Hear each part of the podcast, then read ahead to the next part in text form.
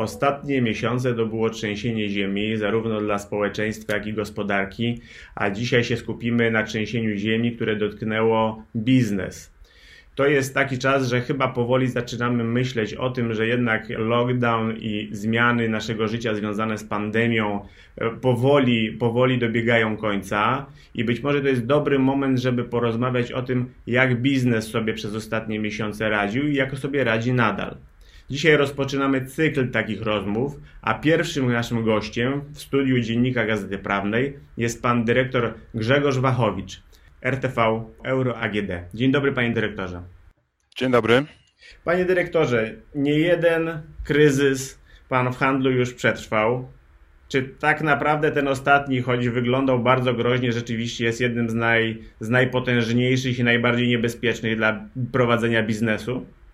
Wie pan co, to, to jest tak, pierwsze to jakby to, co pan powiedział, tak, że jakby, że już jakby mamy to za nami, ja tak nie uważam. Myślę, że my jesteśmy w jakiejś fazie czegoś, nie wiem jeszcze czy kryzysu. Tutaj oczywiście jest dużo różnych danych takich makroekonomicznych, które mówią o trudnej sytuacji. Ja myślę, że część z nich jest jakby błędnych o tyle, że one się opierają na czymś, co nazwałbym raczej eventem, tak? dlatego że jeśli zamykamy rzeczywiście biznes, zamykamy gospodarkę, no to siłą rzeczy te dane będą bardzo złe. Mnie bardzo interesuje jakby to, co zobaczymy tak naprawdę za czerwiec, jakby dane, które zobaczymy za maj i za czerwiec, bo one jakby pokażą, co rzeczywiście się wydarzyło. I teraz e, wracając do pytania, czy to był jakiś szczególny kryzys? No nie, nie możemy mówić o kryzysie, to, to, była jakaś sytuacja kryzysowa, ale zwróćmy uwagę, że ona trwała tak naprawdę miesiąc, półtora miesiąca. Ja tutaj taką e, trochę przewrotną tezę stawiam, że w, w, może być tak, że w perspektywie całego roku de facto tego nie zobaczymy. Tak? Dlatego, że jeśli, to ja taką, taką prostą arytmetykę, oczywiście to jakby każdy musi przyłożyć do swojej, do swojej branży, do swojej, do swojej dziedziny, ale jeśli weźmiemy jeden miesiąc tak, z tych 12, no to powiedzmy, że to jest około 8% całości. Mówię około, dlatego że to jest jakby kwestia, jak się rozkłada sezonowość danego biznesu, jaka jest kwestia, głównie chodzi jakby o sezonowość, tak, bo za nią też idą zakupy i też, też idzie sprzedaż. I teraz załóżmy w branżach, gdzie pikiem sprzedaży to są te miesiące listopad, grudzień, Okazuje się, że ten marzec i kwiecień to tak naprawdę może być powiedzmy nawet zaledwie około 6%. Tak? Teraz jest znowuż kwestia skali spadku sprzedaży. Tak? Jeśli e, w ogóle nastąpiła, bo to jest następna kwestia, ale załóżmy, jeśli nastąpiła, no to teraz możemy sobie liczyć. I liczmy bardzo jakby trudny scenariusz, 50% spadek sprzedaży. No to znowuż prosta arytmetyka. Tak naprawdę w skali roku to jest 3%. Tak? Które nie wiemy, czy nie będzie możliwe do nadrobienia, bo bardzo możliwe, że część tego popytu jest, jest przesunięta. Czy wahnięcie sprzedaży o 3% możemy nazywać kryzysem? No, ja bym tego nie nazywał kryzysem, tak? Tak jak powiedziałem, trudna sytuacja, sytuacja kryzysowa, rzeczywiście zupełnie nowe wyzwanie, tak? Nowa jakaś, jakaś rzeczywistość ale cały czas jeszcze nie kryzys, tak? E, po, jakby przyglądajmy się dalej. Wie pan co, to, to jest tak, e, można było odczuć bardzo silne wahnięcie. Jak duże jeszcze, tu, tu jest ciężko powiedzieć, tak? Dlatego, że w tej chwili e, też nie mamy, nie mamy dobrych danych za te miesiące. One jeszcze jakby gdzieś tam, gdzieś tam spływają ale powiedzmy te dane są, one są troszeczkę przekłamywane, dlatego że też w, w takiej sytuacji, jaka nastąpiła, nie każdy z jakby uczestników rynku chce się dzielić tymi danymi, tak? Chce rzeczywiście informować co rzeczywiście się wydarzyło i to jest jakby w dwie strony. Jedna strona, jeśli mówimy o tym, że te wyniki były bardzo słabe, no to pokazujemy jakieś swoje słabości. Z drugiej strony, jeśli mówimy, powiedzieliśmy, że wyniki były dobre, no to też trochę jakby motywujemy konkurencję do tego, żeby działać, więc każdy tak troszeczkę jakby siedzi, namrał wody w usta i jakby przyglądamy się temu, co się rzeczywiście dzieje. Na pewno miało duży wpływ. To, co wiem, to, co już widzimy, ten wpływ się bardzo rozłożył pomiędzy poszczególnych graczy w danej branży.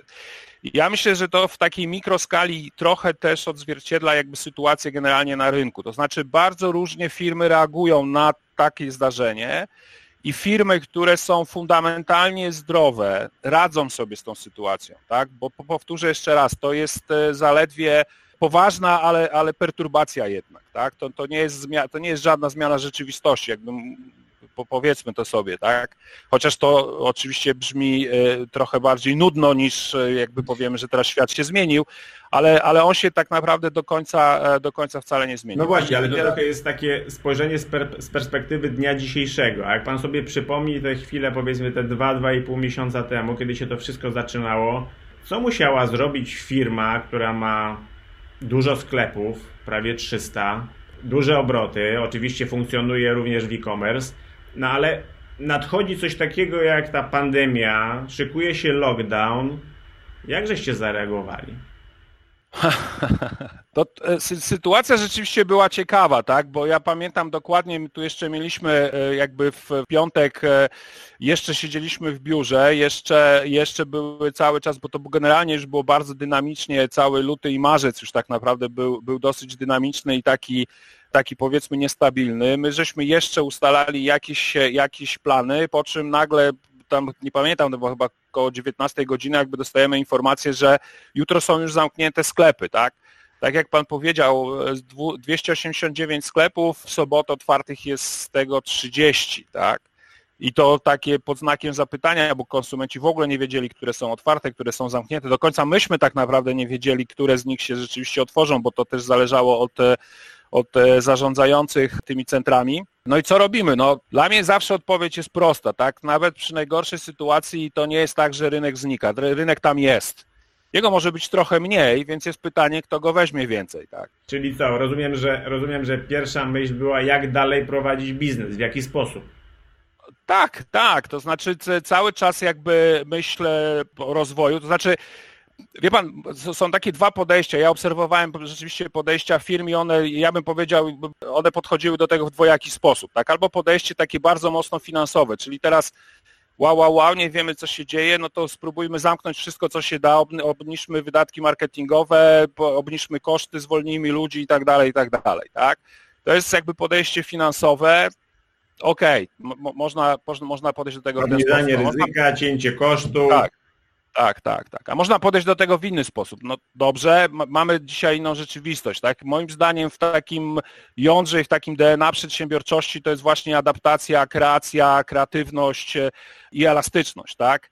No i mamy inną sytuację, no to teraz siadamy, jak teraz w tej sytuacji, co robimy, tak? Jakby, jak się rozwijamy dalej w tym, e, co jest prawdopodobnie mniejsze, bo ten rynek jest prawdopodobnie mniejszy, ale patrzymy, jakie mamy asety, gdzie mamy te słabsze strony jakby w danej sytuacji, no i, i staramy się rozwijać. No i myśmy podeszli rzeczywiście bardzo jakby aktywnie i bardzo, bardzo tak pro do, do tej sytuacji. To znaczy nie, nie mieliśmy żadnej koncepcji na, na zwalnianie czy na zwalnianie w sensie rozwoju, czy na zwijanie jakiegokolwiek biznesu, tylko raczej jakby szukaliśmy, gdzie teraz w tej sytuacji się odnaleźć, żeby, e, żeby dalej ten biznes, e, żeby dalej ten biznes rozwijać.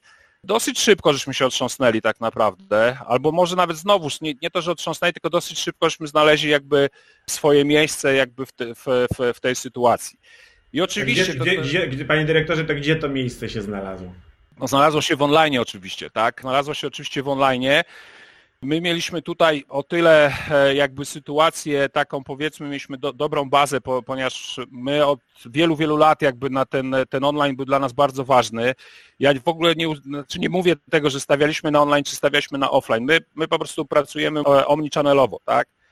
My traktujemy, że po prostu my dajemy coś naszemu konsumentowi, naszemu klientowi i dajemy to na różnych tacach, tacy internetowej, tacy offline'owej. Mamy też e, bardzo prężnie działającą infolinię, która jest nasza, tak, to są nasi pracownicy, to nie jest outsourcowane i tymi różnymi jakby kanałami do tego klienta docieramy. No i teraz nagle pojawiła się sytuacja, że po prostu jeden z tych kanałów jest bardziej preferowany, tak, bo drugi jakby jest zamknięty, nie, nie ma możliwości działania. No i zaczynamy, tak, zaczynamy pracować, e, zaczynamy pracować e, tym kanałem. E, tak jak powiedziałem, on był dosyć, nie dosyć, on był bardzo dobrze rozwinięty. E, my jakby mamy duże kompetencje w, w tym obszarze. Tutaj były wyzwania oczywiście ze strony takiej operacyjnej, były wyzwania ze strony logistycznej, bo jakby każdy, każda sieć handlowa e, zaraz powie to ok, tak, tylko że to teraz trzeba obsłużyć kilkakrotnie więcej dostaw, więcej przesyłek, do konsumenta. To jest, to jest dosyć trudne, tak? Więc tu, tu, były jakby takie wyzwania rzeczywiście operacyjne. Wiedzieliśmy, że ten popyt, który jest, jesteśmy, jesteśmy w stanie służyć online. A to, to nie jest trochę tak, że, że ten online był bardzo rozwijany i tak naprawdę tylko te wydarzenia związane z pandemią przyspieszyły proces, który już tak naprawdę był w trakcie. Nie, nie jest trochę tak, że w waszej branży jednak sklepy stają się trochę showroomami, a ta główna sprzedaż zmierza jednak do internetu? Nie, nie jest tak. E, sklepy, sklepy są, cały czas, e, są, są cały czas ważne. Tutaj też jest jakby taki ważny punkt, bo e, mówiąc często o tym, że w naszej branży, to trzeba pamiętać o tym, że nasza branża to jest tak w cudzysłowie, bo możemy to powiedzieć, bo to jest ba bardzo szerokie spektrum działalności, tak? bo to jest od białego sprzętu, od te, tego AGD, który, który każdy z nas w domu ma, do rzeczywiście do mobila, czyli do telefonu, do smartfonów, do komputerów, więc jakby de, de facto całe szerokie spektrum elektroniki to, to jest obszar, w którym my działamy. To jakby te, te powiedzmy mniejsze e, sektory, one też e, bardzo różnie tak naprawdę w tym internecie, w tym internecie funkcjonują. Tak? W niektórych e, obszarach ten udział internetu był, był niski, czyli cały czas jakby klient preferuje sprzedaż offline'ową i preferuje offline. W innych obszarach rzeczywiście ta potrzeba tego kontaktu ze sprzętem jest troszeczkę niższa i udział tego online'u jest znacznie większy. Tak? I również jakby te, te branże, one też oczywiście różnie zareagowały na tą sytuację i różna była chęć jakby konsumenta do tego, żeby z tego, z tego online'u korzystać. Ja podaję w takich przedziałach na nasze jakby po, po branżach, że udział sprzedaży online'owej to jest około powiedzmy 10-15%, nawet do pewnych branż, gdzie jest powiedzmy około 50, a nawet 60 czasem procent. Tak? Więc wiadomo, że tam, gdzie jest 50% udziału sprzedaży online'owej, to jest zaledwie podwojenie sprzedaży przez inny kanał i to bardzo szybko można zrobić. Natomiast tam, gdzie mamy te powiedzmy 10 czy 20%, no to jest od 10 razy do 5 razy, tak? Zwiększenie sprzedaży przez jeden kanał. No i tutaj się pojawiają raz wyzwania logistyczne, a dwa rzeczywiście taka chęć e, i, i możliwości konsumenta do jakby absorpcji danego produktu tylko poprzez, e, poprzez ten online. Bo musimy pamiętać, że jakby to nieprzypadkowo jest taki udział, tak? Tam, gdzie ten udział online'owy jest mały, oznacza, że konsument rzeczywiście chce mieć kontakt z, z produktem w sklepie. Te telewizory są takim dobrym przykładem. Tak? No chce pan zobaczyć, jaki jest obraz w tym telewizorze. Tak? Raczej ciężko jest to zrobić przez internet, no bo już siłą rzeczy, nawet gdybyśmy, że tak powiem, ten ekran przyłożyli, no to on jest zaburzony poprzez transmisję. Tak? Chcemy, chcemy widzieć rzeczywiście, chcemy widzieć, co widzimy. Tak? Więc... Ja może, jeszcze, ja może jeszcze odwrócę, skoro to nie była taka czysta kontynuacja pewnego procesu, to może jest to początek czegoś nowego i właśnie będziecie chcieli utrzymać jednak tę sprzedaż bardziej, bardziej w online, bardziej e-commerce.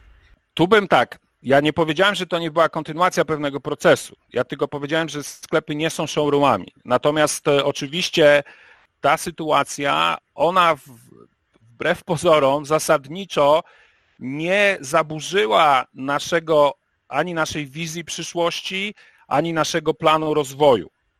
Ja bym powiedział wręcz, że ta sytuacja jakby potwierdziła, że nasz pomysł na biznes i nasz pomysł na funkcjonowanie dzisiaj, ale również w przyszłości jest dobry. Tak? Czyli, że potrafimy się bardzo dobrze odnaleźć w sytuacji, która dla wielu sieci była trudna, a dla niektórych nawet z tego, co mówią, no, spowodowała zagrożenie e, nawet, e, nawet upadłościami. Tak? Ja myślę, że też jakby tutaj, tutaj mm, ja mam trochę taki sposób myślenia, że, że, że wie pan, to jest jakby my w cudzysłowie permanentnie powinniśmy być przygotowani na kryzys. Prowadząc biznes, jakby właściwie cały czas powinniśmy myśleć o takiej sytuacji, tak?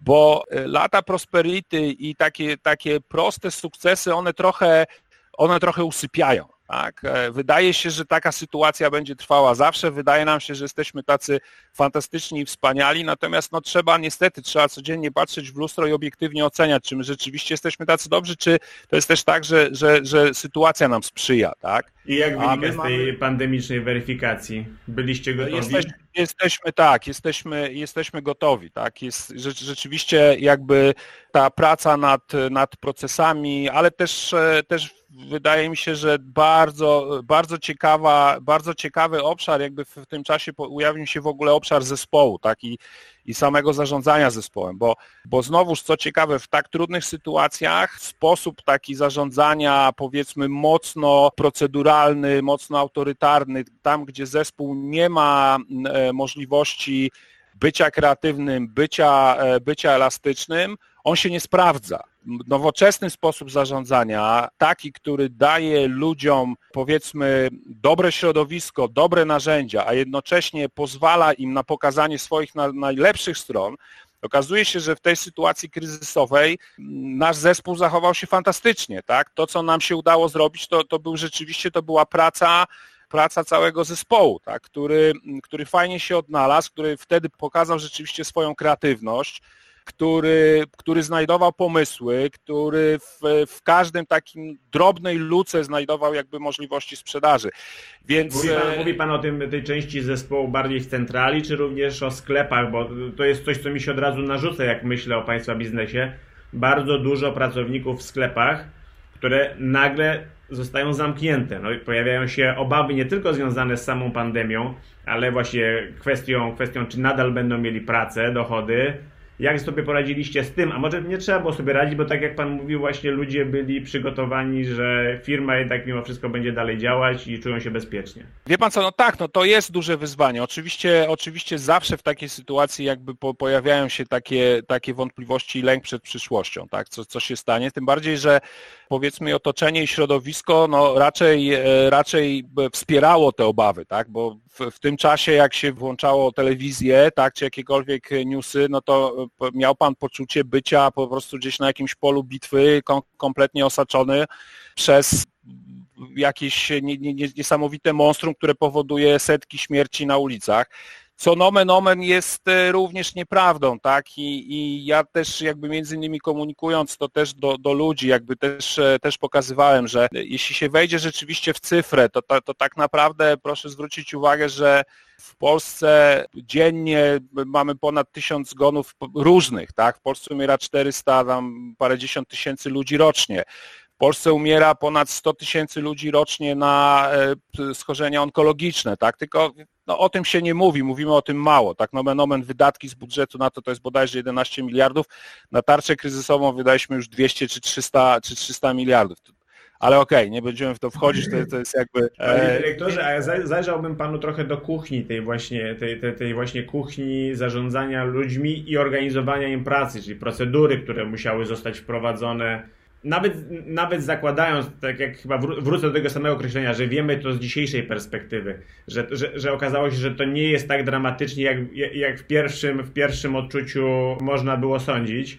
Mm, ale jak rozumiem, w pewien sposób firma musiała przestawić się na inne tory.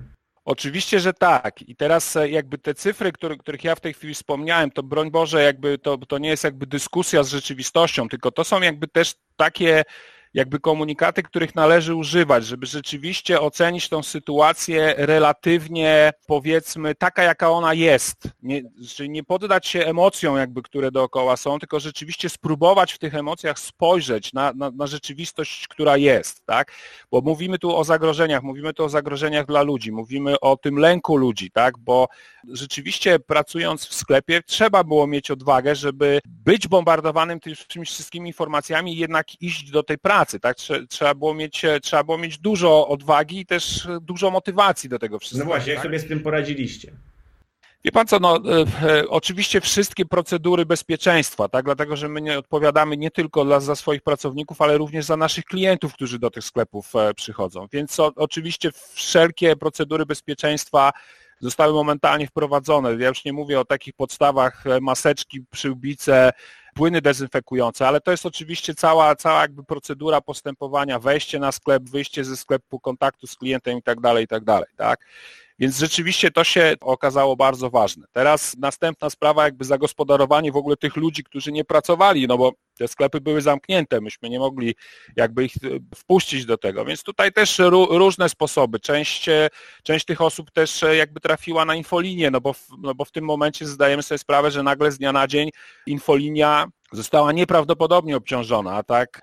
Nasi klienci, za co oczywiście też jakby tutaj przepraszamy, ale jakby nie było innej możliwości, czekali w kolejkach na infolinii dosyć rzeczywiście długich, tak? No bo e, nagle z dnia na dzień powiedzmy natężenie wzrosło parę dziesiąt razy. Tak? Były różne, różne też sytuacje, proszę zwrócić uwagę, że my na przykład mamy sporo dostaw do sklepów i w sobotę masa produktów pojechało do sklepów, do odbioru dla klientów, a te sklepy są nagle zamknięte. My ich nie możemy tych produktów w ogóle stamtąd e, zabrać teraz, wyciągnąć, więc też e, bardzo dużo ludzi było zatrudnionych przy takich jakby bieżących, powiedzmy, elementach e, ratowania jakby też tej jakości jakby obsługi, obsługi klienta. Tak? W biurze jakby podobnie, to pomijając oczywiście kwestię, że, że, że biuro jakby jest po tyle prostszą sprawą, no bo tutaj można zastosować home office, tak?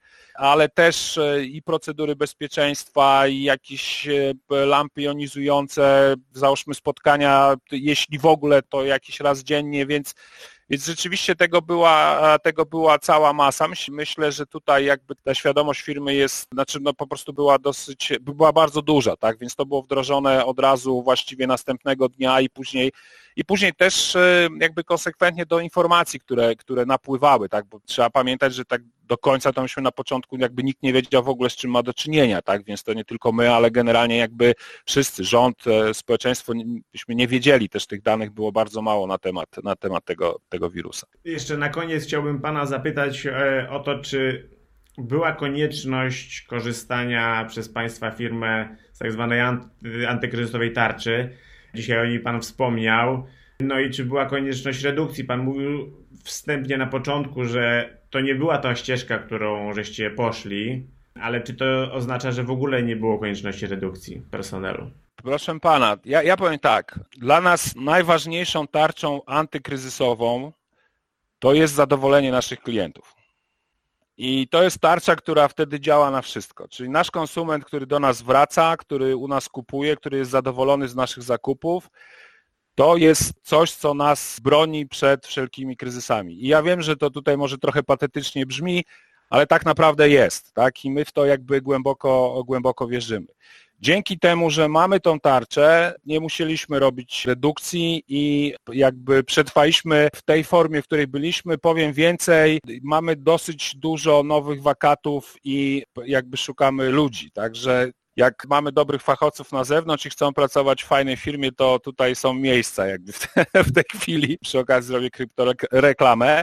Więc nie, nie, nie, nie, korzystamy, nie korzystaliśmy i, i nie robiliśmy żadnych redukcji, wręcz zwiększaliśmy wydatki. To są też już dane w tej chwili ogólnodostępne. Wydatki marketingowe e, w marcu i w kwietniu znacznie żeśmy zwiększyli. Czyli poszliśmy ewidentnie drogą ekspansji, drogą rozwoju w tym czasie. Tak? Wykorzystaliśmy to jako szansę dla nas a nie jako, e, jako coś, co ma nam e, zmniejszać biznes. Ja tylko zwracam uwagę, że tutaj też chciałbym być, chciałbym, żeby to było precyzyjne. Mówimy o naszej sytuacji, o naszej branży i o, o dużych firmach. Zupełnie inaczej też wygląda sytuacja w, w, mniejszych firmach, e, tam gdzie rzeczywiście ten online nie był rozwinięty, tam gdzie powiedzmy te inwestycje też wcześniej nie były robione rzeczywiście współczuję, współczuję usługom e, takim typowym, e, typu restauracji, współczuję rzeczywiście branży turystycznej. Na pewno tutaj chciałbym też, żeby to było jasne, że odnoszę się do tego, w czym my jesteśmy i w czym my pracujemy każda, każda branża ma swoją specyfikę i jest zupełnie, jest zupełnie różnie, więc tutaj ja nie, nie, nie wypowiadam się za, za inne dziedziny, bo, bo domyślam się, że może być rzeczywiście znacznie trudniej. Bardzo panu dziękuję za rozmowę, panie dyrektorze. Dziękuję bardzo. Gościem Dziennika Gazety Prawnej był pan Grzegorz Wachowicz, dyrektor RTV Euro AGD, który będzie zatrudniał.